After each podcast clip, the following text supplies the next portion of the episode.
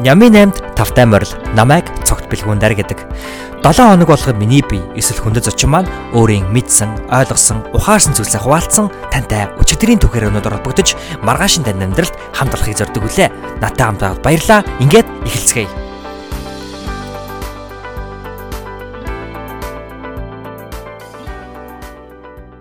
Сайн бацгаано сонсогчдоо энэ хүрээд Сэхэдэн төслийн хүрээнд бэлтгэн хүрэгдэг Нямин 8 подкастын маань 39 дугаар дугаар эхлэхэд бэлэн боллоо. Энэ удаагийн дугаарын маань хөндөд зочин хинбэ гэхээр доктор Наслын Саран туяа. Тэрээр 1989 онд Мөвисийн их Мөвисийг тийм ээ Монгол Улсын их сургуулийг философч мэрэгчлэр төгсөн улмаар 1996 хийгээд 2009 онд тус тус урлаг судлалын ухааны доктор болон философи ухааны доктор гэсэн хоёр эрдмийн зэргийг бол хүртэж байжээ. Монгол оронд бол хоёр одоо докторийн зэрэг хамгаалсан хүний тоо 300 гаруй хүн байдаг. А тэдгээр нэг бол энэхүү доктор Наслын Саран туяа юм. За доктор Наслын Саран туяа бол миний ээж байгаа. Тэгээ ээжтэйгээ ярилцсан тийм тусгай сайхан дугаар болсон. А энэ дугаар удаагийн дугаартаа бит хоёр ерөнхийдөө бол Нямин 8 гэдэг энэхүү одоо амьдралын хэм маягийнхаа ярилцлагын одоо яг энэхүү санаа агуулгах концептууд бол нэг баригдаагүй. Өөрөөр хэлбэл манай ээжид залуучууд бид бүхэнтэй хуваалцах хүсэл одоо хуваалцахыг хүсдэг тийм маш их зүйлсүүд байдаг. Тэдгээрийг илүү төлхөө хуваалцсан дугаар гэж хэлж болно. Тийм учраас асуусан асуултууд маань ондоо байхыг та бүхэн бол ажиглах болно. А тэгээ ер нь юу юуны тухай ярилцсуу гэхээр ээж маань хэлсэн байдаг. Амьдралын мэдээллийн чанараас амьдралын чанар хамаардаг гэж. Тэгвэл яагаад өнөөдөр хүн мэдээ зөв мэдээллүүдийг сонгож авч маш нухац нухацтайгаар тухайн мэдээллийг боловсруулж өнгөцгөн бус альва зүйлд хандах ёстой.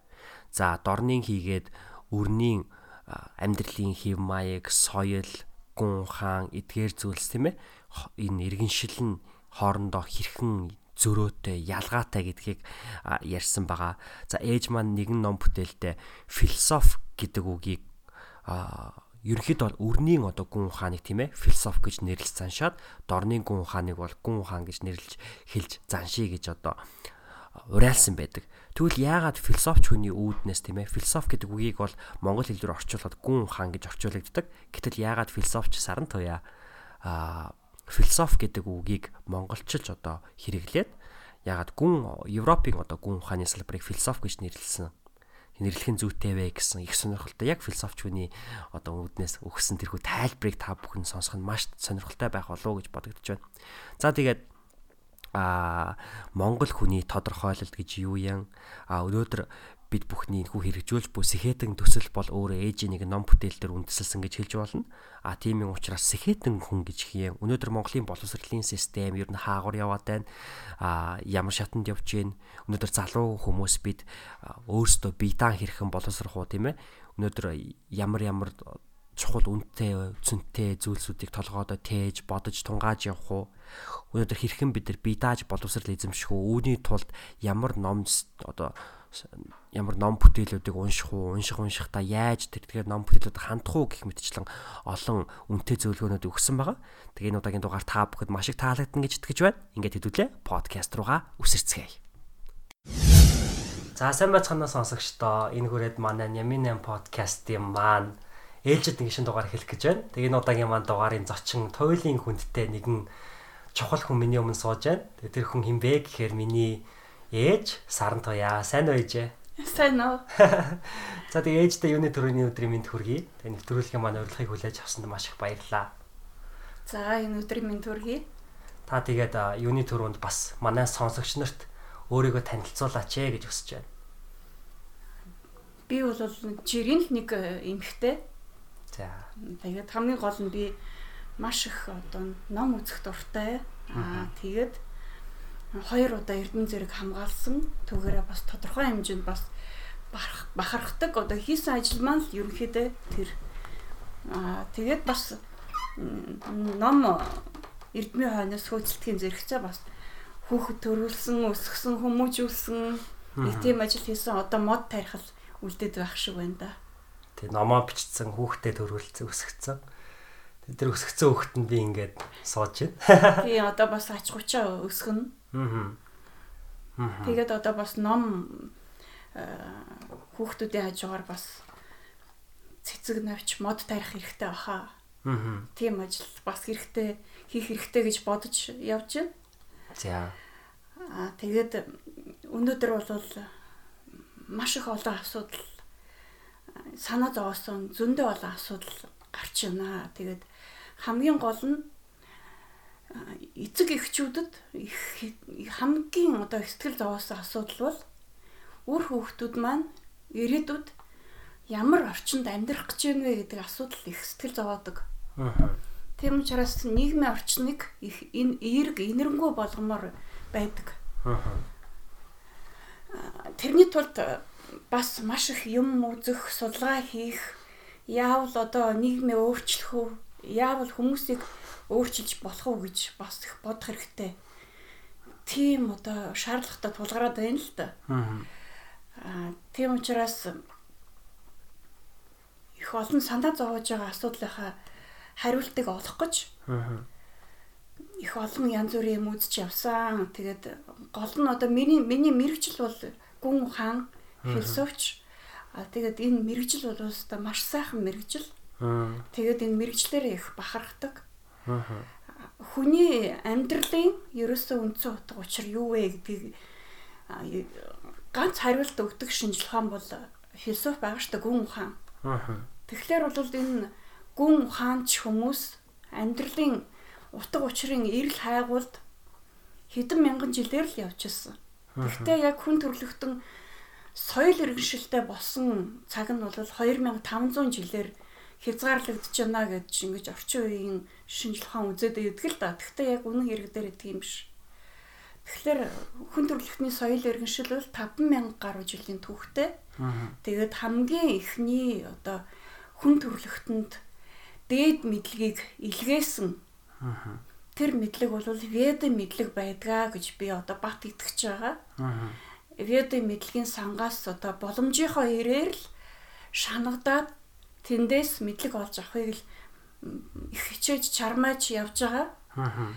А тэгвэл мэдээж өдөр болгон ингээд бас амьдрахын тулд амжиргааныхаа зарлыг олохын тулд ажил хийх хэрэгтэй. Өөр янз бүрийн ажилд анхаарал тавьж их сатаарч хи- бас өөр зүйлд их цаг зарцуулж байгаа нь маш харамсалтай санагддаг л да. Тэглээ ч гэсэн бас боломжийнхоо хэрээр цаг гаргаад ведэ мэдлэгийн сангаар л сангаас л их олон зүйлийг олж мэдхийг л хичээгээд ингээд явж байгаа. Аа.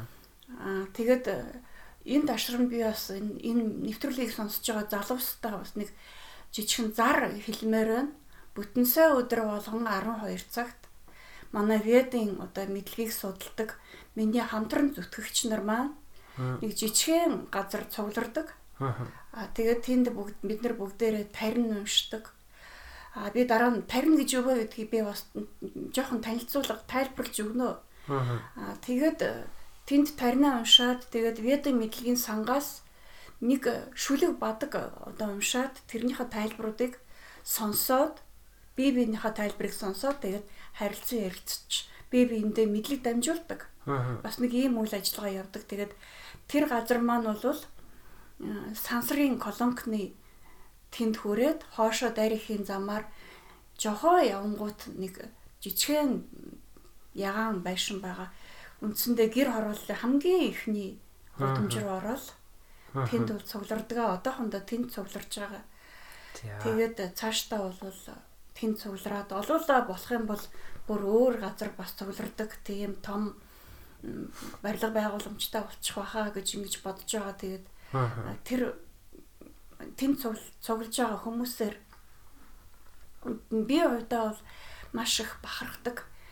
Яг тэгвэл тэр веда мэдлэгийн санд юу гэж бичсэн байдаг вэ гэхээр хамгийн их чин шудар хүмүүс веда мэдлэгийн санг ойлгодог гэж бичсэн байдаг юм лээ. Тэгэхээр тэнд цуглаж байгаа хүмүүс яг яг ингээд э, байнга тогтмол очдог хүмүүс нь цөөхөн хийдэх хүмүүс л байдаг. Аа. Тэгээд заримдаа ингээд их том том баярууд тэмдэглэдэг. Тэгэхээр тэнд их олон хүмүүс цуглардаг. Заримдаа бүр тэр жижигхэн байшиндаа багтдаггүй ч үе байдаг. Аа. Тэгвэл яг тогтмол явж байгаа улсууд нь бол тэр бол үнэхээр хамгийн чин шудар хүмүүс гэж би тэгж бодож байгаа. Аа. Тэр хүмүүсээр их бахархдаг. Аа.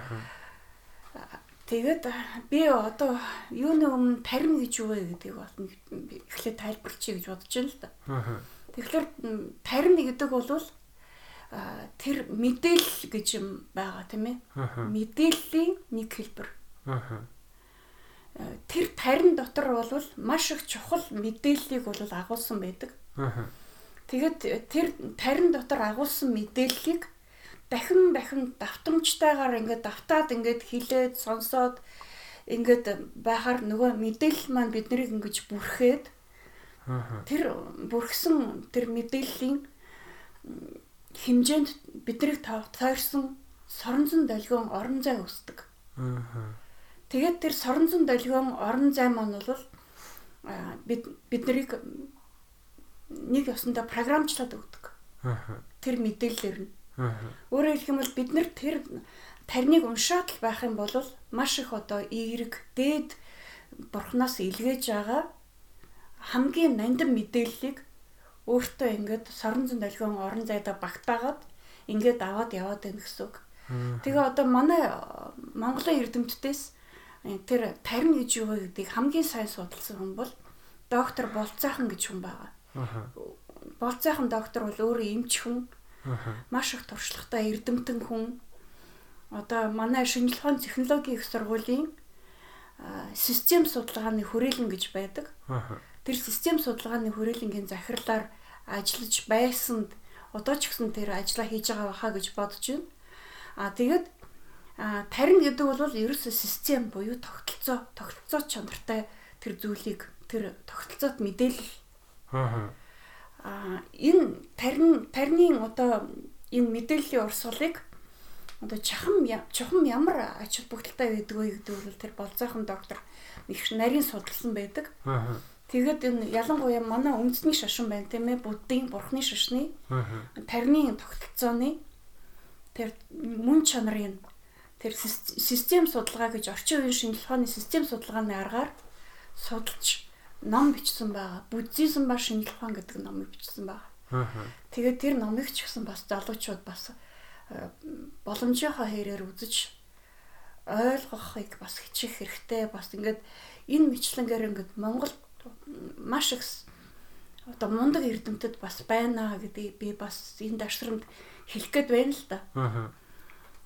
Тэгэхээр энийг бас олж үзээрэй гэж ингэж хэлж захих байна. За. Аа тэгээд энэ мэдээлэлтэй холбоотой өөр зүг асуулт байвал бас мэдээллийн мэдээлэл гэж юу вэ гэдэг тал дээр бас ярилцчих болно. Аа. За миний угаасаа бэлдсэн асуултуудын хамгийн анхны асуулт бол тэр байгаа. За Нямин 8 гэдэг энэ нэвтрүүлэг маань өөр яг 8 асуулт асуудаг. Тэгээд ерөнхийдөө бол тогтсон асуулттай байдаг байхгүй 8 8 асуулттай байдаг байхгүй ээж. А гэхдээ ээжтэй ингээд нэвтрүүлгийн өмнөх өдөр буюу өчигдөр ярилцж байхад ээж бол надад амар босс шиг юм хэлсэн аахгүй. Чи надад асуулт бэлдээд хэрэггүй би өөрөө юу яхаа мэдчихэж байгаа гэдэг. Тэгээд бид тэрнээс зүгээр юу гэж бодож байна гэхээр ээж түрүүн хэлсэн та аа маш их санаа зовдөг тий одоо инэрэнгүй ертөнцийг бий болгох дээр энэ дээр одоо та их санаагаа чилээж явдаг гэдэг. Тэр утгаараа би яг тань зориулсан асуух гэж байгаа 8 асуултын хамгийн ихний асуулт бол би подкастн дээр айгүйх тогтмол дурддаг. Тэр бол таны нэгэн номон дээр дурдсан мэдээллийн чанараас амьдралын чанар хамаарна гэдэг үг. Тэгээ би баг энэ үгийг магадгүй их ирээдүйд их сургуультай болдог ч юм уу тэр тохиолдолд бол хамгийн томоор хадна гэж бол боддог. Тэгээд энэ үг юу нь яагаад та ингэж яг дүгнэж хэлэхэр болов? Мэдээллийн чанараас яагаад амьдралын чанар хамаард юм бол? Тэгэхээр би 1996 онд урлаг судлалын ухаанаар гэж нэрлэгдэж байгаа юм л да. Тухайн үед бол Монголын соёл иргэншлийг, Монголын соёлыг, Монголын одоо уран сайхны соёлыг судалсан нэг тийм докторийн ажил бичсэн юм л да. Тэгээд тэн дээрс судалгаа хийгээд юу олж харсан бэ гэхээр Монголын соёл иргэншил, ерөн дорн төхний соёл иргэншил өрөндийнхаас бол ерөөсөө огтөөр. Тэгээд юугаараа өөр байсан бэ гэхээр дотоод мэдээллийн систем гэж дотоод мэдээлэлтэй хүн мэдээлэлээ агуулад бүр дотроо ингээд давтамжтайгаар өөртөө мэдээллийн тогтолцоогоо бий болгоод асар их дотоод мэдээллийг гүнзгийрүүлж өөртөө шингээгээд ингээд явдаг. Тийм одоо соёл иргэншил бол ерөөсө дорн техний бөгөөд Монголын соёл иргэншил байсан. Аа. А тэгээ энэ ийм соёл иргэншил бол өрөндийнхөөс бол огт өөр. Тэнд бол хүн өөрөө өөрийгөө дотгошоо гүнзгийрүүлж хөгжүүлдэг. Аа. А гэтэл өрөндийн соёл иргэншилд бол яг өөр, яг эсрэгээр өөр байдаг. Тэгэхээр асар их мэдээлэл за ялангуяа өнөөдөр одоо ингээд янз бүрийн мэдээллийн технологи хөгжсөн ийм нөхцөлд маш их мэдээлэл орж ирж байна. Тэр мэдээллийн урсгал дотроос юугаа олж авах юм? Хамгийн үнэтэй чанартай мэдээллийг хүмүүс олж авч чадахгүй байна. Аа. Тэгээд хамгийн гол нь тэр дотоод мэдээллийн сандаа хуримтлуулах шаардлагатай мэдээлэлээ шүүж ингэж олж авч чадахгүй байгаа юм. Тийм учраас хүмүүс маш их өнгөцхөн өнгөцхөн мэдээлэлд ингээд хууртаад Аа. маш өнгөцхөн өнгөцхөн мэдээллээр дүгнээд. Маш өнгөцхөн өнгөцхөн мэдээллээр амьдраад ингээд яваад байна. Аа. А тэрнээс өнөөдрийн бидний бүх зовлон гарч байгаа. Аа. Тэгэхээр хүн өөрөө өөрийгөө дотоод мэдээллийн сандаа гаднаас орж ирж байгаа мэдээллийг дотоод мэдээллийн сандаа хураагаад Аа. тэндээс үнэхээр одоо тогтвортой хүн оршиж болох хүн тогтвортой амьдралаа авч явж болох энэ амьдралдаа утга учир чанар оруулж болох тэр юмаа ингэж шүүж өөртөө оруулж чадахгүй юм л да. Аа. Тэрнээс нь хамаарад одоо бид нар өнөөдөр маш их тийм тогтворгүй тийм хорвоо ертөнцид амьдарч байна. Энэ нь юугаар ингэж харагдаж байгаа нөхөлтөр хамгийн одоо илэрхий зүйл бол ерөөсөө энэ байгалийн өөрчлөлт. Аа. Өнөөдөр зуны цаг гарчаад зуны цаг гарсан байхад гинт цас орж байна. Аа. Аа эсвэл ерөөсөө өдөр нар гарч ирсэн нь гинт үдээс хойш маш их хүчтэй салхишуургатай Аа. ийм байгалийн үзэгдлүүд болж байна. Аа. Хаана юу болох нь ерөөсөө мэддэхгүй болсон байна, тийм ээ. Аа. Өнөөдөр м, ерөөсөө нэг нэг жилийн өмнө Солонгосын хаяг дээр цөмийн мөргөлдөөн болох гэжсэн. Ерөөсөө нэг жилийн өмнө. Тэгсэн чинь өнөөдөр а, ерөөсөө хо- хэдхэн хоногийн өмнө Трамп, Ким Чен Ун гэдэг хоёр хүмүүс баг тэмрэлтэн холгүй юм болцсон. Тэгээ энэ мэтлэнгээр ингээд юу болох гээд байгааг нь мэддэхгүй маш докторгүй ийм ертөнцид бид нар амьдарч байгаа. Аа. Тэгэхээр бол энэ юунаас болоод байна вэ гэхээр хүн хүмүүс өөрсдийнхөө дотоод мэдээллийн санд хэрэгтэй мэдээллийг хурааж хуримтлуулахгүйгээр ерөөсөн маш маш их өнгөцхөн одоо шийдвэрүүдийг гаргаж байна. Маш өнгөцхөн байдлаар амьдралд хандж байна. Эндээс бол хамаг одоо зовлон үүсэж байгаа. Бүх бэрхшээл зовлон эндээс үүсэж байгаа. А тэгвэл нэг зүйл байдаг. Энэ дотоод мэдээллийн сандаа мэдээллийг хураагаад хоримтлуулад ингээд өөрийгөө дотроос нь гэгэрүүлээд явдаг. Хүн өөрөө өөрийгөө хөгжүүлдэг. Тэр соёл иргэншилд амьдарч байгаа тохиолдолд тэр соёл иргэншлийг хөгждөггүй гэж үздэг. Яг нэг талдаа бол тийм байсан үнэхээр. Одоо жишээлх юм бол энтэг энтэг улс хамгийн их тийм до- дотоод мэдээллийг хурааж хоримтлуулдаг. Тэнд бол хамгийн их том том бясалгагчид, йогчд тийм ээ. Одоо тийм хүмүүс тэндээс төрдөг. А тэндээс одоо төрсөн тэр мэдлэгийг бол одоо буддизмын хэлбрээр ч юм уу эсвэл өөр одоо бурхны шашны шашны мэдлэгийн хэлбэрээр ч юм уу бусад газар орнуудад ингэ түгээсэн тийм ээ. А тэгсэн мөртлөөсөө энтэхгүй өөртөө ядуу, бохир, заваан гэл ингээл хүмүүс буруутгаад идэг штэ. Ялангуяа барууныхан маш их буруутгадаг. Аа. А тэгэхээр бол нэг талдаа бас тийм хөгждгүү тал соёл иргэншилт нь байж болно. Аа. А тэгвэл технологийн хувьд нэг тийм хөгжихгүй байсан ч гэсэн хамгийн гол нь байгальдаа бол хөнөөл багтай. Аа. Яг гэвэл хүн өөрөө өөртөө байгальтайгаа өөрөө өөртөөгөө орчин тойрныхоо одоо гэр бүлийн хүмүүстэй а нийгэмтэйгээ зохицоод ингээд тийм тогтвортой хүлээцтэй тийм ээ хүмүүст хүлээцтэй тийм амьдрах тийм боломж нь бол байсан байна л да. Нэг талдаа техник технологийн хувьд хөгждөг байж болно. Нэг тийм тал байж болно. А нөгөө талдаа нөгөө нэг э, хөгждгүү гэдгийгсэн нөгөө дорн техний соёл иргэншил чинь өнөөдөр 21-р зуунд бол хамгийн одоо өндөр хөгжилтэй соёл иргэншил болж хөгжих хандлага нь бол нэгэнтээ тодороод гараад ирсэн тийм ээ. Энд э, юу жишээлх юм бол хятад улс өнөөдөр ямар хэмжээнд хөгжиж байна. Сингапур байна. Япон байна. Одоо өөр өмнөд Солонгос байна. Гэх мэтчлэнгийн жишээтэй тийм ээ. За тэгээд яг уу Аз Европын зааг дээр оршдог. Монгол за бас Аз Европын зааг дээр оршдог. Орос улс ч гэсэн тэрийг нэрлэж болно тийм ээ. За энэ бол бас нэг юм саарамг ийм хөгжиж байгаа юм шиг үгүй юм шиг тэгж хүмүүст харагдаад ах шиг байна. Тэгвэл бол энэ дорнохны соёл иргэншил өрөндийн тэр цэхэн технологийн хөгжлийг ингэж аваад өөртөө шингээгээд а тэр хүнээ дотгош нь хөгжүүлдэг дотоод мэдээллийн системд нь хүн системд нь хүн өөрөө өөрийгөө ингэж дотгошоо хөгжүүлдэг тэр арга барилтаа нь хэрвээ хостуулаад ингэж явж чадах юм бол үнэхээр гайхамшигыг бий болгож чадхаар тийм байгаа гэж харагдаж байгаа. Манай подкаст болохоор ер нь бол амьдралын хэм маягийн подкаст гэж явдаг. Тэгэхээр тэр нь юу гэхээр одоо таны яг энэ хүү ярьж байгаа энэ чухал мэдлэг боловсрал одоо энэ ойлгох мэдэх хөстэй ойлголт эдгээр зүйлс нь шүү дээ. Эдгээр зүйлсүүдийг хэрхэн яг өөрсдөө өдөр тутмын амьдралд хэрэгжүүлэх үү те. Тэрэн дээр бид их анхаарлаа өгдөг л дөө. Тэгээ та ингээ хэлж чинь бид их өнгөцгөн ханддаг түүнээсээ болж ин дотоод мэдээллийн сан маань одоо их түүнийгээ дагаад бас их одоо өнгөцгөн ч гэдэг юм уу те аа байна гэдэг хэрхэн ер нь өдөр тутмынхаа амьдралд хэрхэн зөв мэдээллүүдийг сонгоцсон. Ер нь мэдээллийг сонгодог юм уу? Ер нь яг яаж зөв мэдээллүүдийг сонгож өөр хадар дотоод дотоод мэдээллийн сангаа зөв мэдээллээр дүүргэх хэрэгтэй юм бол.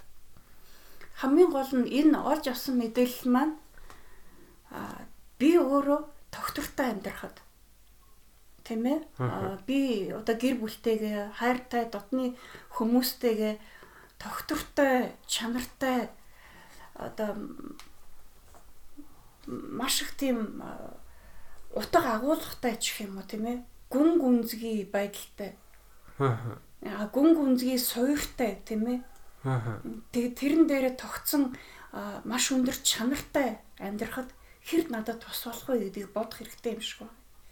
А тэгж бодохгүйгээр за өнөөдөр ингээд нэг ийм мод илгэрчлээ гэхэл шууд тэрийг шүүрч аваад хүмүүс. Аа. Тэгэл ерөөсөө огт бодохгүйгээр бие бинийгээ дуурайж гэж явж штэ. Аа. За жишээлх юм бол юу болж ийн вөхлөөр өрөндөд нэг мод илгэрдэг. Аа.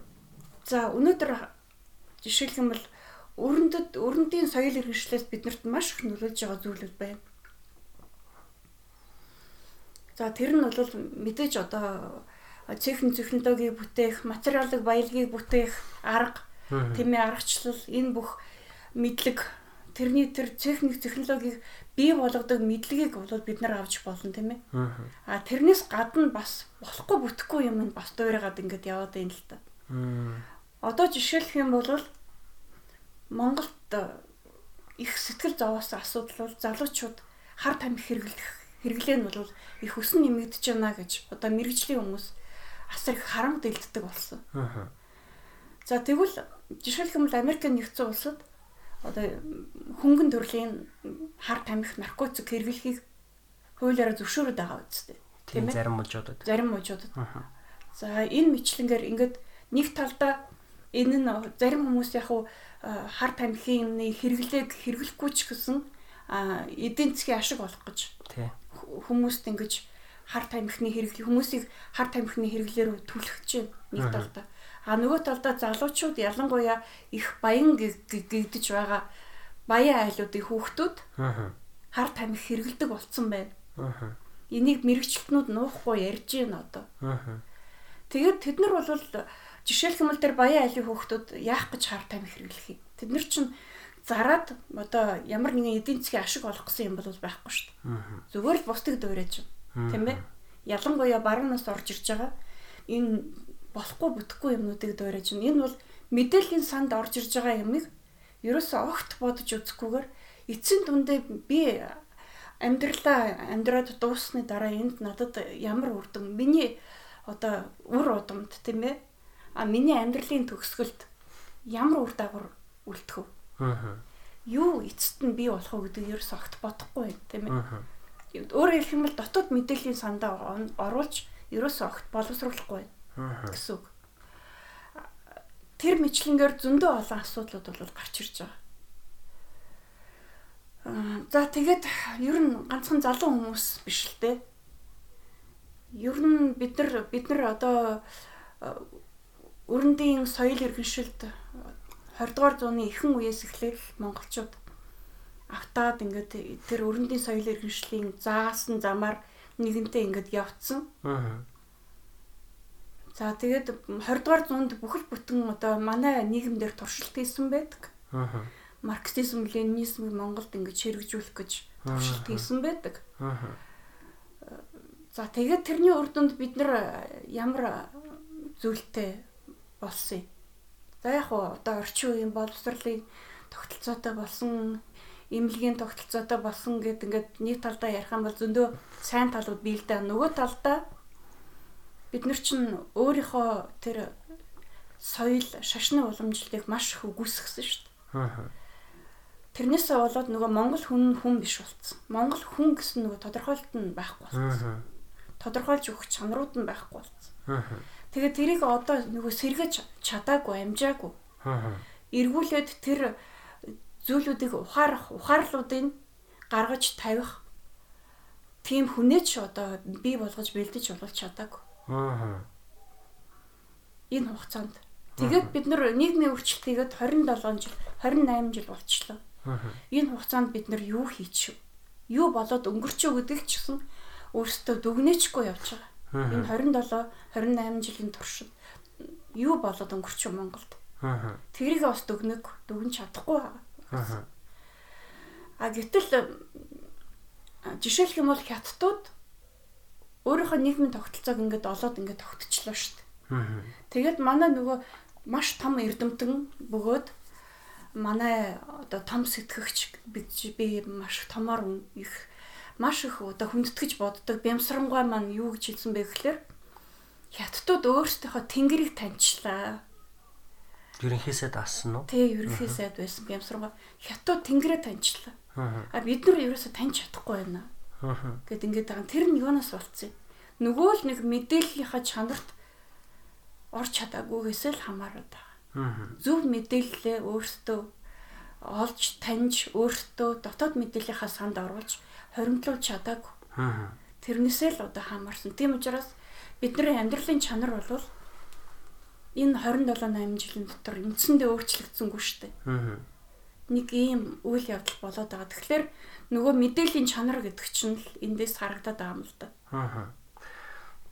За танаас асуух чаа 3 дугаар асуултыг та бараг л аа би яг энийг асуу гэж бодож ирсэн та нэлээд оруулчлаа асуулт руу.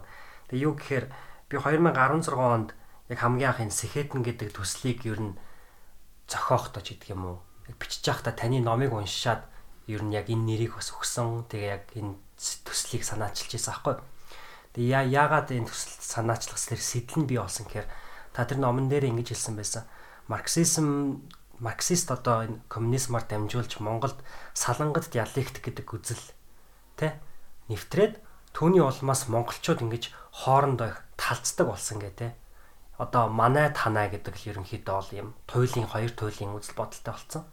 Тэгээ тэр нь болохоор зөвхөн миний одоо залуу хүний нүдээр харж байхад те юун дээр ажиглагдаж байна гэхээр одоо нэг жалга домны үзэлч гэдэг юм уу монголчууд тийм зүйл өгдөг штэ. Тэр нэг өгшөөмжлэгддэг.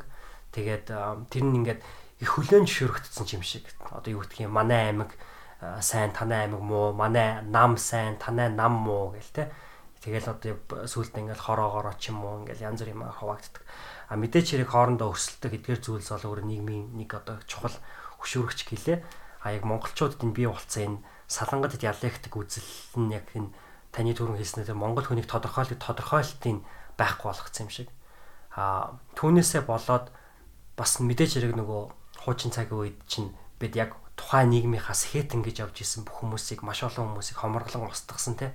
Тэгэхээр яг монгол хүний яг тэр тодорхойлдог хамгийн дээд одоо тэр сэхэлэг оюунлаг хүмүүсээ үгүй болгосноос ч юм уу яг энэ монгол хүний тодорхойлдог хүмүүс нь байхгүй болцсон ч гэх юм уу те. Тэгэхээр одоо бидний залуу үе үеийн хувьд гэдэг юм уу миний харж байгаагаар яг энэ монголыг тодорхойлох яг энэ сэхэлэг хүмүүсийн гэж яг хин юм бэ гэдэг энэ асуултын эрэл хайгуулт хамтдаа гарыг гэж яг энэ анх төслийг санаачилж байсан. Тэгэхээр таны бодлоор яг яг энэ төсөл өөрөө яг энэ таны одоо судалгаан дээр үндэслэлсэн таны судалгаа өөрөө энэ тулгын чулуу нь учраас Та яг энэ дээр юу гэж бодож байна? Ер нь яг монгол хүний тодорхойлолт гэж монгол хүн гэж яг хин юм бол. Тэгэхээр одоо би тэгвэл бас нэг асуулт байна. За. Discourse гэж англи үг гэдэг те тэр юу гэсэн үг вэ?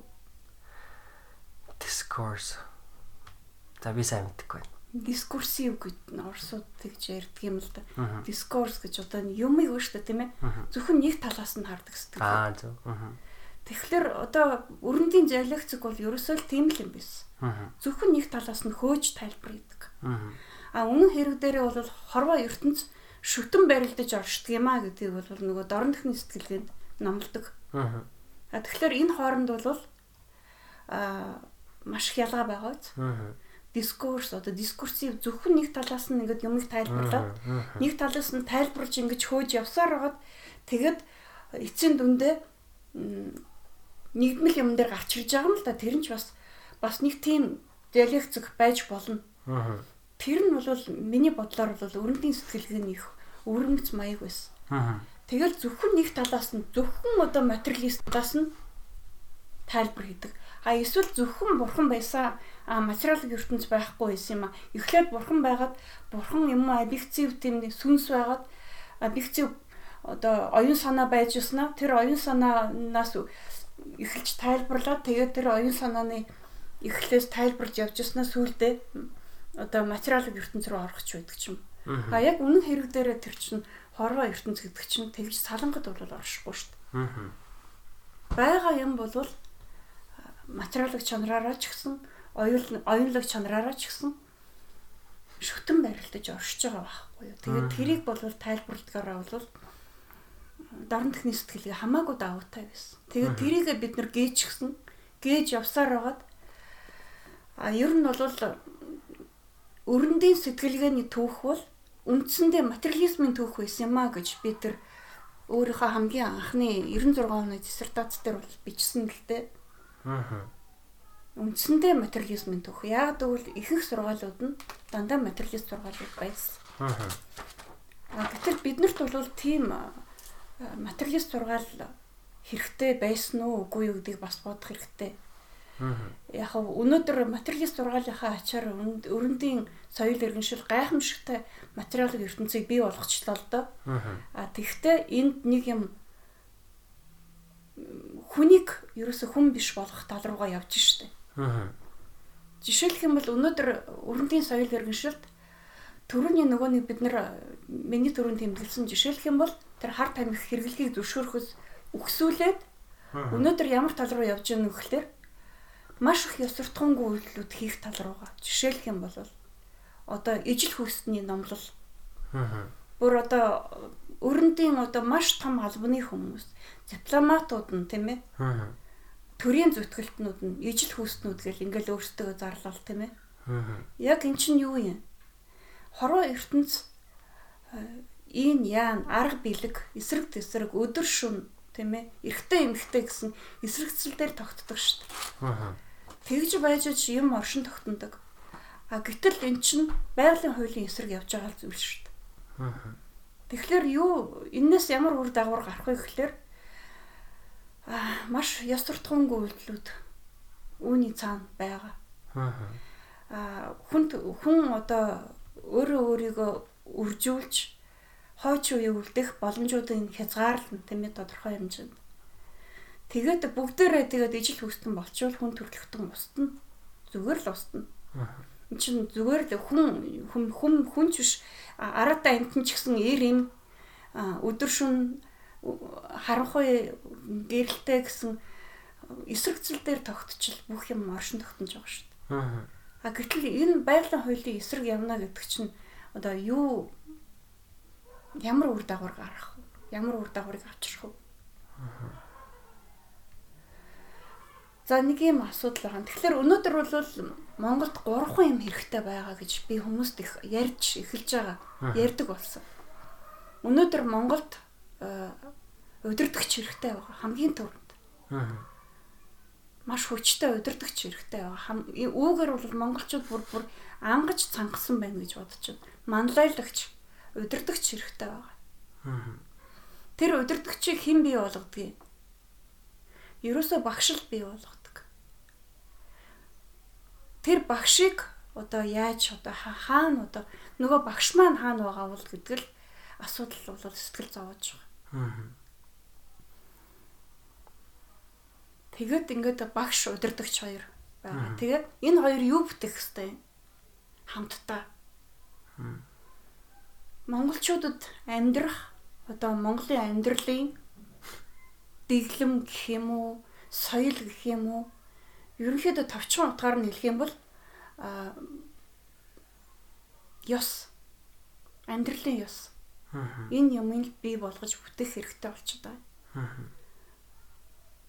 Тэгэд Монголын нийгэм гэдэг чинь өөрөө Монголын уламжлалт нийгэм гэдэг чинь өөрөө ёсын дагуу амьдардаг.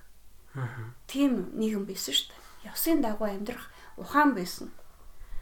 Жишээлх юм бол хамгийн энгийн жишээ гэхтэл гэрээ эзэхтэй өглөө болгон наран цүвгээ өргөдөг тийм ээ байгаль дэлхийдээ цүвгээ өргөдөг. Тийм ёстой шил байсан. За ингээд хажуугаар ингээд айлын хажуугаар нүүдэл явхад тэр айлд тийм ээ цайс өвнийхаа дээд шиг байрдаг. За ингээд хамгийн энгийн л ёс шүү дээ. Хамгийн энгийн ёс. Тэгээ хүн хүнээ хүндэтгэх янз бүрийн л тийм ёс дэглэм байсан. А энэ ёсын дагуу амьдрах ухааныг сэргийх хэрэгтэй. А тэгээд орчин үеийн нөхцөлд энэ ёсын дагуу амьдрах ухаан гэдэг ямыг яаж хэрэглэх юм? Тэгэхээр энэ ёс гэдэг маань бол өнөөгийн хэллэгээр бол хууль болчиход байгаа юм л да. Хууль гэдэг ямыг нэг л хууль гэл бид нар бол ингээд эрх зүйн төрийг бий болголоо. Ингээд энэ хуулийн дагуу амьдрах ёстой гэж бид нар ингээд байгаа шүү дээ. Нөгөө хуулиуд нь бүгдээр ингэ навчаад нөгөө рационал мэдлэг дээр тулгуурласан өрөндөө хуулиудаас хуулцсан байдаг ихэнх нь. Аа нөгөөх нь Монголын одоо амьдрал, уламжлалт, соёл Монгол хүнтэй тэр болгон таардаггүй. Жишээлх юм бол хүмүүс сүүлийн үед маш их ярьж байгаа юм бол тэр зөрчлийн хууль гэдэг юм яриад байгаа юм л да. Тэр зөрчлийн хууль гэдэг юм нь бол өстой маш их олон юм дараа болж, саад болж гэж ярьж байна. Нөгөө Монголын нийгэмд Монголын амьдралд энэ таарах уу үгүй юу гэдэг ерөөс огт судлахгүйгээр нөгөө баруунд байдаг Америкт байдаг хуулийг авчираад хуулаад ингээд тавьчихгүй юу. Тэгсэн чинь нөгөөх нь нөгөө Монголын уламжлалт нийгэм тодорхой хэмжээний уламжлалаа хадгалаад явж байгаа нийгэм байгаа шүү дээ. Бүгдийг нүгүсгээгүй. Нөгөө Монголын хөрсөн дээр бууж ирдэггүй. А гэтэл нөгөө хууль гэдэг юм маань бол яг үнэн хэрэг дээрээ бол ерөөсөө л ёс ёсортхон байдаг. Аа А тэгээд байгалийн хууль гэдэг бол Ведийн сургаалд бол тэмдэглэснээр Ведийн сургаалд зааснаар бол ёс суртахууны хууль гэдэг бол тэр чигтээ байгалийн хууль юм шүү гэдгийг л сануулж байгаа. Хэрвээ бид нар ёс суртахуунаа дээлж амьдрч чадах юм бол байгалийн хуультай ерөөс хизээж зөрчилдөггүй. Тэгээ хүмүүс юу хардаг вэ гэхээр өнгөцхөн хүний нүдэн дээр харагдаад байгаа юмыг л одоо өнөөдөр энэ сарантай юу өмсцээ? Ямар гутал өмсцээ?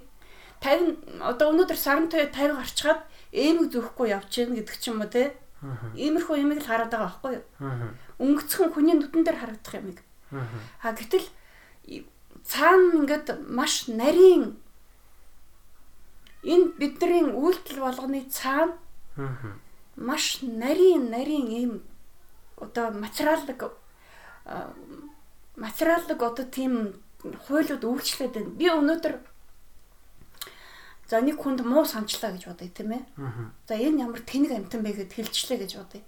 А гэтэл энэ юм чинь ерөөсө хий хоосон галав болдгоо. Яг тэгвэл нөгөө тэр маш нарийн байгалийн хуулиуд байдаг. Одоо тэрийг нөгөө Эрдэмтэн Вернацки гэж хүн тийм ээ. А бидний хэлсэн, ярьсан, үйлдсэн, бодсон болгон байгаль дээр хадгалагддаг. Тэрийг нь бол ноосфера буюу тийм ээ оюун мандлын оюун мандал дотор ингээ хадгалагдаад байж байгаа юм а тэр тэр бүх мэдээлэл хадгалагдаад байж байгаа гэдгийг тэр Эрдэмтэн Вернацки гэж хүн одоо нээгээд тийм ээ.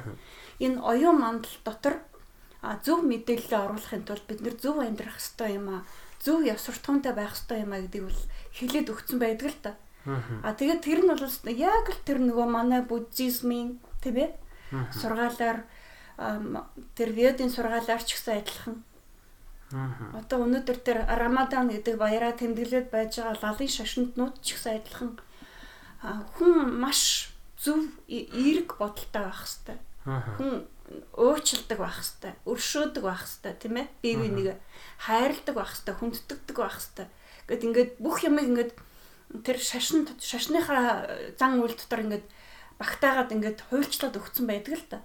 Тэгээд шашин гэдэг маань бол ерөөсөө тухайн арт түмний ёсортхууныг хамгийн их тээж явдаг тийм зүйл байдаг. Тийм учраас ямар ч шашныг бол бид нар үгүйсгэж болохгүй. Бүх бүх шашинд хүндэтгэлтэй хандах хэрэгтэй. Яагаад гэвэл э, тэр шашин гэдэг маань хүнийг нөгөө ёсортхуунтай хэвэрнэ байлгаж ёсортхуунд ёсортхуунлаг чанараар нь хүнийг байлгадаг. Тийм учраас бүх шашинд маш хүндэтгэлтэй хандах хэрэгтэй. Аа тийм учраас ийм л одоо зүйлийг бид нар бий болгох хэрэгтэй юм а. Тэгэхээр бид нарт ёс хэрэгтэй, ёс таншил. Одоо ёсын дагуу амьдрах ухаан. Өөрөөр хэлэх юм бол тэр тэр ёс гэдэг маань биднэрт хууль болох хэрэгтэй. А тэр ёсыг хэн бий болгодгийг амьдралд нэвтрүүлдэг хүн нь бол удирдахч байдаг. Тэр ёсыг, тэр хуулийг. А тэр ёс хууль хоёрыг заадаг, сэтгэдэг, бий болгодог хүн нь багш сэтгэгч, номлогч байдаг. Ийм л гурван юмыг бүгдээр одоо хүчин зүтгэж ээж тал талаас би болгох зайшгүй хэрэгтэй болчихжээ гэж би ингэж бодоод байгаа юм л да. Тэгээ ийм юмнуудыг ингээл яриад яваад байгаа. Тэгээ хүмүүс одоохондоо сайн ойлгохгүй л байгаа л да. Тэгвэл багш гэдэг бол ерөөсөө гигэнтэй юм аа. Хүн хүн болгон багшигаа хүнддэх хэрэгтэй байдгаа. Аа. Тэгээд тэр Вьетнам сургаалт бичснээр бол хүн 6 ээжтэй байдаг гинэ. Аа. Нэгдүгээрт төрүүлсэн ээж бол мэдээж хамгийн түрүүнд явна. А тэр 6 ээж дотор бол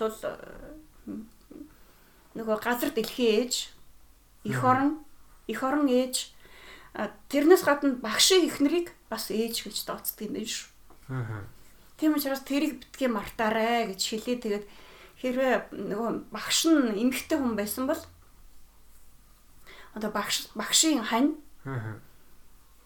бид бүхний одоо а болж дарахна шүү дээ тийм ээ бас тэрийг бас бодох хэрэгтэй юм байна. За бид бол дараагийн асуулт асуучих. За та өөрийнхөө мэрэгжил энэ философийн мэрэгжилтэй маш их хайртай гэдэг нөтгөлийнхэнд орж исэн те. Таныг ингээ хүмүүс гүн ухаанч гэж хэлдэг бах, философч гэж хэлдэг бах те. Тэгээ би зүгээр та нэг номон дээр ингэж хэлсэн байсан. Өрөндийн одоо гүн ухааныг философ гэж нэрлээд а дорны гүн хааныг гүн хаан гэж нэрлэе гэж та хэлсэн байсан те. Тэг яг философи сонирхдаг хүмүүст ер нь бас философи гэж юу гэдгийг таньж мэдгэж байгаа хүмүүст бас яг философч хүний гүн ухаанч хүний үнднээс ер нь яагаад ингэж та нэрлэхээр болов. Зөвөр яг орчуулга бариад дикшнери бариад ингэ орчуулах юм бол философи гэдэг үг чинь монголоор орчуулагдах гүн ухаан гэж орчуулагдаж байгаа шүү дээ. А та гэхдээ яагаад ингэж тус тусад нь ингэж нэрлэх, нэршүүлэх болсон бэ? Яг тэгвэл өрөндийн сэтгэлгээ чинь философия. Софи гэдэг нь бол цэцэн мэрэгэн гэсэн үг. Фило гэдэг нь фил гэдэг маань өөрөө тийм нэг дурлах тийм ээ нэг тийм татагдах тийм утгатай үг үстэй тийм ээ. Тэгэхээр цэцэн мэрэгэнд дурлах гэсэн үг байхгүй юу? Философи гэдэг цэцэн мэрэгэнд дурлах. А бидний сэтгэлгээ бол цэцэн мэрэгэнд дурлахаар хязгаарлагдах зүйл биш. Энэ бол маш их хүн гүн орших, доктортой орших. Яавал хүн зөв орших хэвээр. Тэрийг л заадаг мэдлэг учраас гүн ухаан гэж нэрлэдэг гэж би тэгж боддог. Аа. Маш их гүн юмыг юмыг маш хүний одоо амьдрал болон энэ хороо ертөнцийн зүй тогтлыг маш гүн ухаарч иж хүн зөв оршдог. Аа. Тэр учраас бол бидний одоо сэтгэлгээний уламжлалыг гүн ухаан гэж нэрлэх нь зүйтэй гэж би боддог л да. Тэгээд а өрөндийнхэн болохоор яг эсрэгээр хэлдэг. Бид нар бол философитой, гүн ухаантай а дорн дахинд бол ерөөсөө сэтгэлгээ байхгүй зөвхөн мэдлэг байсан л гэдэг. Зөв тодорхой хэмжээнд ямар нэг юм мэддэг мэдлэг л байсан болохоос ш тэнд шинжлэх ухаан байгаагүй, дорн дахинд шинжлэх ухаан байгаагүй тийм ээ. Философи байгаагүй гэдэг ингэдэг ингэж үзээд идэх л та. Тэгээд шинжлэх ухаан гэдэг нь юу юм гэсэн чинь туршилтаар нотолж болох ямар нэгэн багж ямаар химжиж болох жишээлх юм бол шугамар ч юм уу микроскопоор харж болох өөрөөр хэлэх юм бол хүний одоо ингэж одоо сенсор байна шүү дээ тий Мэдэрх. мэдрэхүйд мэдэгдэж болох юмыг л тий рационал тийм тийм зүйлийг Аа. туршилтаар нь уталж болох юмыг хүний туршилтанд өгөгдөж болох юмыг л шинжлэх ухаан гэнэ гэхээс биш бусад зүйлийг бол шинжлэх ухаан гэж үзэхгүй ээ. Бусд нь бол бүгдээрээ зүгээр л мэдлэг юм а гэж гэдэг байхгүй юу? Аа. А гэтэл бол тийм бас ир рационал тийм ээ. Одоо тийм зөв бэлгийн тийм аргаар тань мэдэж болох зүйл. Одоо бэлг бэлгийн ухааны талаас нь тань мэдэж болох зүйлүүд зөндөө дээ. Аа. Тэрийг бол ерөөсөө одоо хүртэл ерөнхийдөө хүлээн зөвшөөрөхгүй. Аа. Тэгэхээр дорн төхөнд мэдлэг байсан. Тэрнээс биш хизээч шинжлэх ухаан байгаагүй байхчгүй гэсэн яриа хэвээрэл байгаа л да. Гэхдээ энэ бол огтхонч тийм биш. Бид нар бол цэцэн мэрэгэн дурлагчд биш.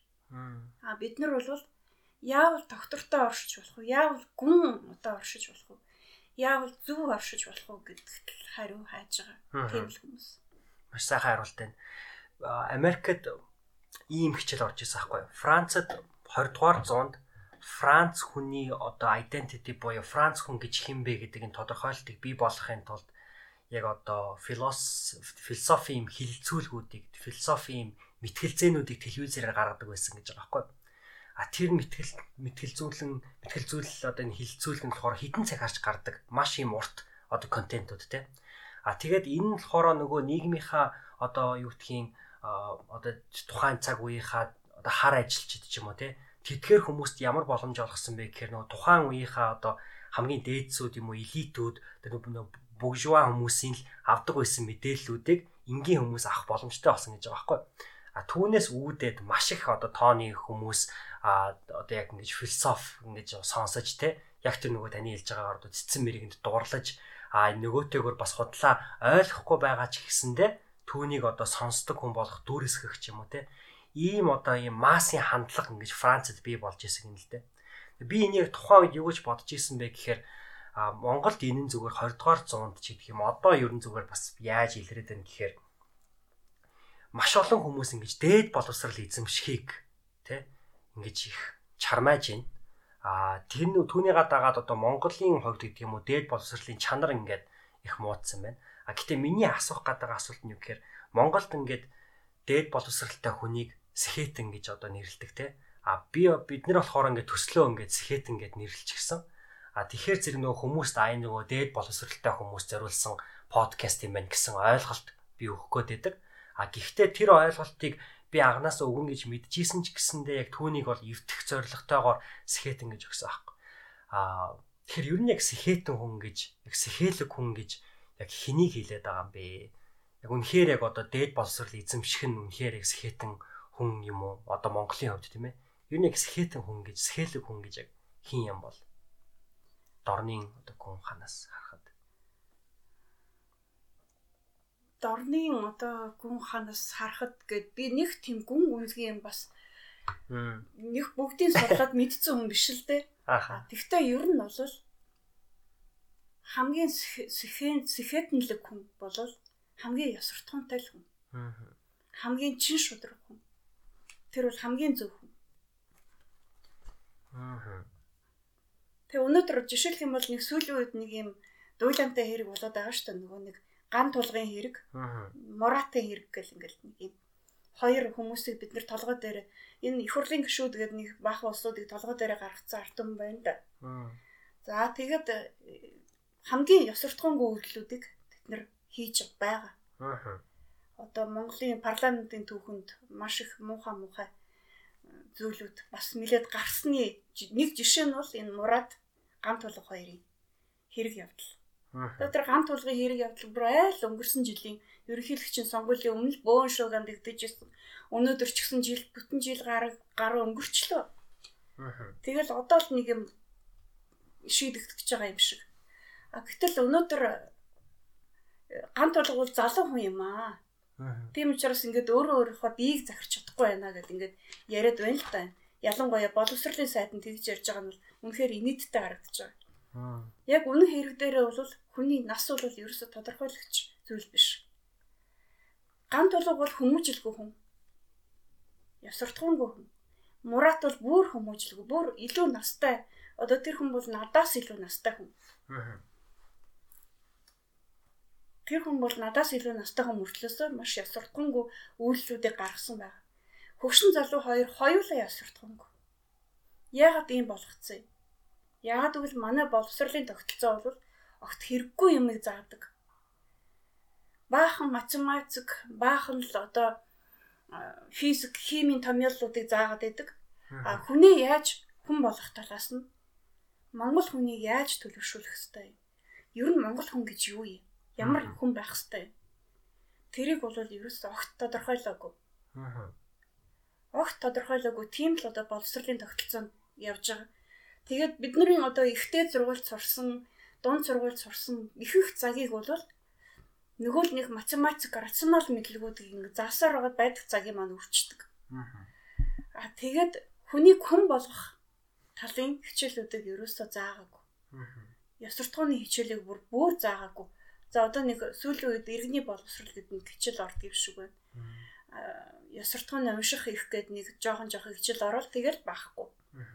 Аа гэтэл хүн хүнийг хүн болгож төлөвшүүлэх нь л ер нь чухал шүү дээ. Чухал байна. Тэгэд хүн өөрөө өөрийгөө нийгэмд аваад явцдаг. Зөв аваад явцдаг. Ийм болгох хэрэгтэй. Тэгээ манай энэ боловсролын тогтолцоонд бол юу нөлөөлсөн бэ гэхээр нөгөө их газрын боловсролын систем гээд Оросоос дамжуулаад авцсан. Одоо англосаксоны тийм ээ одоо германы одоо газрын боловсролын системээр л бид нэр хүмүүжсэн хүмүүс шүү дээ. Аа тэгээд тэр нь юу вэ гэхээр рационал мэдлэгийг л өөрөөр хэлэх юм бол нөгөө тоогоор одоо бодоод олчих болдог. Шугамар хэмжиж болдог, микроскопоор харчиж болдог.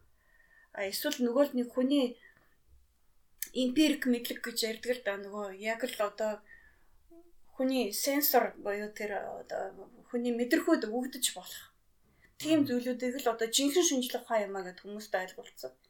Тэрийг л бид нар заагаад байдаг, заагаад байдаг. Нөгөөх нь хүний хүн болгож төлөвшүүлэхэд ерөөс ямар ч нэмэр болсонгүй. Аа.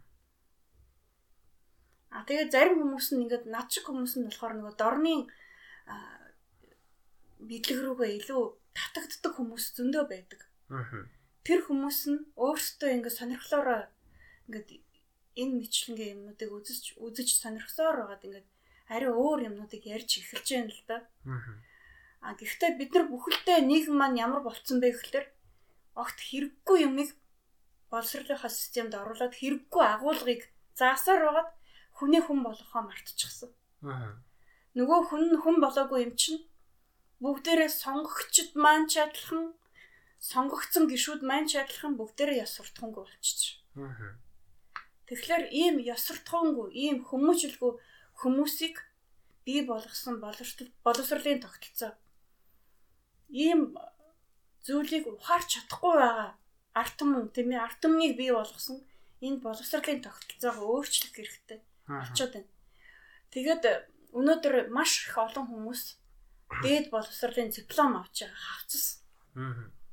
Тэгээд тэр хавцыг авахын тулд зарим нь бол өчнөө мөнгөө төлөөд цагаа өрөөд ингэж явчихна. Тэгээ хавцсан авцсан хойноо ажилгүй явж байгаа хүмүүс зөндөө байна. Хамгийн гол нь за ажил хийлээч бай, хийгээгүйч бай. Тэр хүмүүс ясвартгуунаа аваад явчих чадахгүй байгаад л хамаг учир оршоод байл. Тэгээ өнөөдөр маш их хэцүү гимт хэрэгүүд гарч байна. Зүгээр л гэр бүлийнхээ орчинд амьдралаа аваа явчих чадваргүй байна шүү дээ. Хүүхдүүдийг хүчрхийлж байна тийм ээ. Эцэг эхчүүд нь нийлж одоо эцэг их хоёр хүүхдээ нийлж зодож амь насыг хөнөөж yn хүүхдээ. Тэгэд ийм байх ёстой юм хүн ийм байдаг юм? Тэгэхээр бол энэ боловсролын систем маань тогтолцоо маань ерөөсө үндсэндээ хэрэггүй боловсролын тогтолцоо л яваад байна л да. Тэгээд энийг хэлхийн оронд өнөөдөр боловсролын сайд нь юу гэж нөхлөөр гант тулах залуу хүн учраас алдаа хийчлээ улс төрд энэ залуучуудыг оруулахаа болио гэд инээдэмтэй юм яриа сууж шít. А тэгвэл тэр Мурат гэдэг хүн яатсан. Тэр чин 50 60 төгссөн хүн биш. бараг 60 насны босгон дээр ирсэн хүн ганц тулхтайгаа адилхан л дээ. Тэгээд энэ бүх юм маань юу байна вэ гэхээр аль социализм үеэс биднэрт өнөөдөр хүртэл уламжлагдаад ирсэн боловсролын систем нь ерөөс огт буруу явж байгааг л харж байна. Тэгэхээр бол манай арт түмэнд үнэхээр тэр удирдахч нь хэрэгтэй. Энэ бүхнийг өөрчлөх. Аа. А энэ бүхнийг өөрчлөхийн тулд тэр удирдахчаа бий болгохын тулд багш нь хэрэгтэй. Номлогч нь сэтгэгч нь хэрэгтэй. Аа. А тэгээд багш, номлогч, удирдахч маань хоёулаа хамтраад юу бий бий болох хэвээр өөрсдийнхөө замаар л явах амьдрах тэр арга ухаанаар бий болох хэрэгтэй байгаа юм л. Өөрсдийнхөө замаар явах. Тэрнээс үүш тэр нэг хаана ихтэй газраас импортоор оруулаад ирсэн. Импортоор оруулаад ирсэн тэр нэг гадны хүмүүсийн ясвартгооны зарчмыг ямар ч бодлоггүйгээр даган дуурайгаад иж болохгүй шүү дээ нэг ийм л зүйл байна. За. За, нэгэнд боловсрал ярьсан чинь манай подкастн дээр ийм асуулт тогтмол асуулдаг асуултуудын маань хоёрдугаар асуулт нь байдаг. Тэр нь юу гэхээр ер нь бол онцлог ном гэдэг асуулт байхгүй. А би энэ номыг энэ асуултыг танаас яаж арай өөрчилж асуумаар юм гэхээр а ер нь намайг жоохон байхад ч гэсэн одоо ч гэсэн манай подкастад ийм асуултууд ихэрдэг. Ер нь ямар номыг одоо сонгож унших уу гэдэг. За би бол ээжийг одоо ингээд багасаа ингээд зүгээр ингээд ажиглаад яж хат ээж бол маш их ном уншдаг. Тэгээ би зүгээр ингээд ээж ингээд уншдаг одоо зохиолч нарын нэрийг нь ингээд чэйжилсэн болохоор эргээд нөгөө том болоод том болсон байна. Оо энэ зохиолчийг ээж уншдаг байсан штэ гэд би тэр номнуудыг нь уншиж исэн тохиолдлууд бол байдаг байхгүй. Тэгэхээр зүгээр ээжийн хувьд маш олон ном уншсан уншаад одоо үдсний хувьд залуут хүмүүс ер нь зөв номоо олж одоо өөрөө бие дааж боловсрал эзэмшихийн тулд ер нь хаанаас эхлэх хэрэгтэй юм болоо. Би бол багада маш хуран зохиол уншдаг байсан. Аа. Ерөөсө бичиг үсэг тайлагдал одоо 7 настай ч үлээ 8 настай ч үлээ бичиг үсэг тайлагдал тэгэл маш их ном уншаад уншдаг байсан. Тэгээд надад бол зүгээр миний аав ээжээс олгосон боломж маш их том боломж олгосон нь бол багасаа би орсоор маш их юм уншдаг болсон. Аа тэгээд би багадаа бол Монголын уран зохиолыг их уншсан. Аа. Удалгаан зохиолуудыг бүгдийг уншсан. Тэгэл Монголын одоо уран зохиолын төврүүдийг уншсан. Аа. Тэгэл одоо 10 жил байхдаа маш их уран зохиол уншиж явж байгаа сүүлдээ дээд сургуульд ороод яг мэрэгжлийнхаа номнуудыг л уншдаг болсон. Аа. Мэрэгжлийнхаа номнуудыг уншаад ингээд тэрийг ер нь барахгүй байна. Одоо хүртэл барахгүй байна. Барж дийлэхгүй байна тэр олон номыг. Тэгвэл мэдээж хамгийн их сүүлийн үед монголчуудад их өргөн олдж байгаа боломж бол өөрийгөө хөгжүүлэх чиглэлийн номнууд маш гарч эхэлсэн тийм ээ. Манлайллын тийм номнууд, манлайллын чиглэлийн номнууд, тэгээд өөрийгөө хөгжүүлэх ном, зохиол. Аа тэгээд энэ ертөнцийн одоо маш олон үйл үзэгдэл үйл явдлыг өмнөх үзэл сурталын тогтолцоонд тайлбарлаж исэн тэр тайлбараас огт өөр өнцгөөс тайлбарсан номнууд бол маш их олон гарсан. Тэтгэл зүйн номнууд одоо Дейл Карнегийн номнуудаас өгсүүлээд сэтгэл зүй гэдэг маань бол ерөөсөө л нөгөө дорн дахны мэдлэгтэй бол маш их холбогдож байгаа одоо. Тэр өөрийгөө дотоод сэтгэлээ оюунаа хөгжүүлэх тэр мэдлэгтэй сэтгэл зүй орчин үеийн сэтгэл зүйн шинжлэх ухаан бол тэр дорн дахны мэдлэгтэй асар их холбогдож байгаа. Тэгээд тийм чиглэлийн номнуудыг их уншиж байгаа. Тэгэхээр одоо өөрийгөө хөгжүүлэх бөгөөд А тэр сэтгэл зүйн номнууд сэтгэл зүйн орчин үеийн одоо сэтгэл зүйн шинжилгээ ухааны одоо олт амжилтыг дэглэгсэн номнуудыг тэр дорн техний сэтгэлгээний тэр хүн одоо дотоод оюун ухаан ухамсараа хөгжүүлэх тийм номнуудтай хослуулж ингэж үзэж харвал их сайн байхаа л гэж би тэгж бодож байна. Тэгэх юм бол одоо бид нарт маш муу юмнаас өөрийгөө хамгаалах боломжтой. Одоо би ингээд цаашдаа одоохондоо ингээд нэг тийм ажилдаа төвөртэй л тийм ээ. Ажил маань бол маш их цаг идэт байгаа учраас бас тэр болгон хүмүүстэй харьцах тийм боломж ерөөсөө олдохгүй байна л да. Тэгэхээр нэг тийм юм бичгээр бас юм бичгэд бол маш их цаг зарцуулдаг. Тийм учраас нэг ийм ярилцлагын цагууд э, хийж болон тэрнээс гадна бүр илүү дэлгэрэнгүй одоо ярилцдаг ярилцъя гэх юм бол лекц семинаруудыг бол зохион байгуулж болно. Тэгээ тэр талаас бас өөр одоо зүйлүүдийг бас санаач санаачилж тийм хийл гэж бодож байна. За би танаас нэг дахиад нэг асуулт асууж байна. За энэ бол одоо толоо дахь асуулт. Тэгээд ер нь бол энэ асуултын дараа нэг асуултын тэгэл ер нь дуусч нэвтрүүлээ. Ерөөсө таны саяны асуултанд бас дөрөөлж байгаа асуулт л та. Одоо та ингээд сэтгэл зүйн салбарын номнуудыг ингээд жишээ авах та жишээ нь Dale Carnegie гэдэг хүн ингээд дурдж байна те. Тэгээ одоо ингээд хов хүний хөгжлийн салбарын номнууд ч юм уу эдгээр номнууд сэтгэл зүйн салбарын номнууд маш их одоо баруунаас ер нь бол төлхөө орж ирдэг те. Тэгэхээр бас нөгөө нэг зохиолч нарын хувьд сэтгэлгээний ялгаа тэр өрнийн одоо гүн гүрнийн одоо сэтгэлгээний ялгаа их орж ирж байгаа хэл та. Тэгэхээр та бол одоо хэллээ хослуулж унших хэрэгтэй гэдэг. А би бас танаас юуг асуумаар нэхэр нэвтрүүлгийн ихэнд ярьжсэн нөгөө дотоод мэдээллийн сан гэдэг. Одоо ингээд хүн ингээд ном уншиж байхдаа маш их мэдээллийг ингээд авч идэг.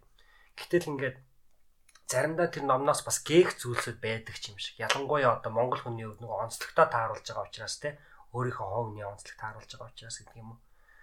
Тэгэхээр ер нь бол одоо альва номыг уншиж хахад ер нь одоо өөртөө яаж ер нь цензуур тавих ёстой юм уу? Яг тэр мэдээллийг яаж хүлээж авах вэ? Зүгээр ингээ өнгөцгөн өнгөцгөн уншаад явах уу?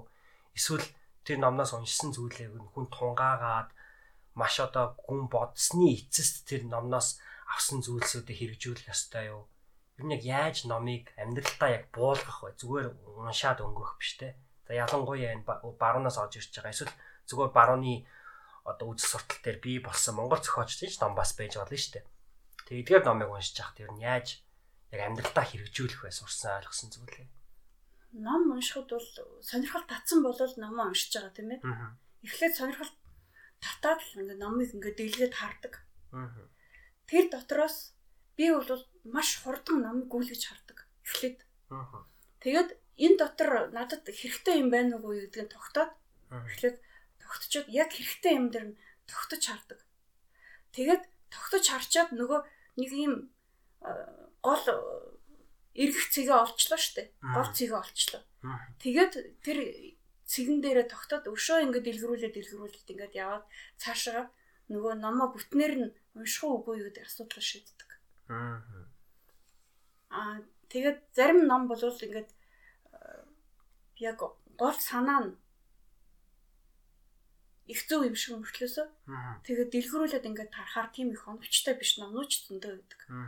Аа тэгтээ тийм ном ховролдоо. Аа тэгтээ ер нь гол эргэх зэгээ олцоод гол зэгээ олоод аа тэгээд дараа нь дэлгэр номоо маш хурдан ингэж дэлгэрүүлж харах хэрэгтэй. Яг бол эхлээд нэг тийм сонирхол одоо нөгөө хүмүүс чинь нөгөө Аазгаа хөдлөн гэж ярьдаг шүү дээ тийм ээ. Гол ингээд сонирхох зэгээ олоод тэгээд дараа нь ингээд хурдан маш сонирхох зэгээ олцохоор тэр номыг маш хурдан унших боломж нь олддог. Аа. Аа тэгээд яг миний багаас сурсан зүйл бол номыг нэг маш хурдан уншиж сурсан. Аа. Маш хурдан богино хугацаанд мэдээллийг хурдан хурдан олоод авчдаг.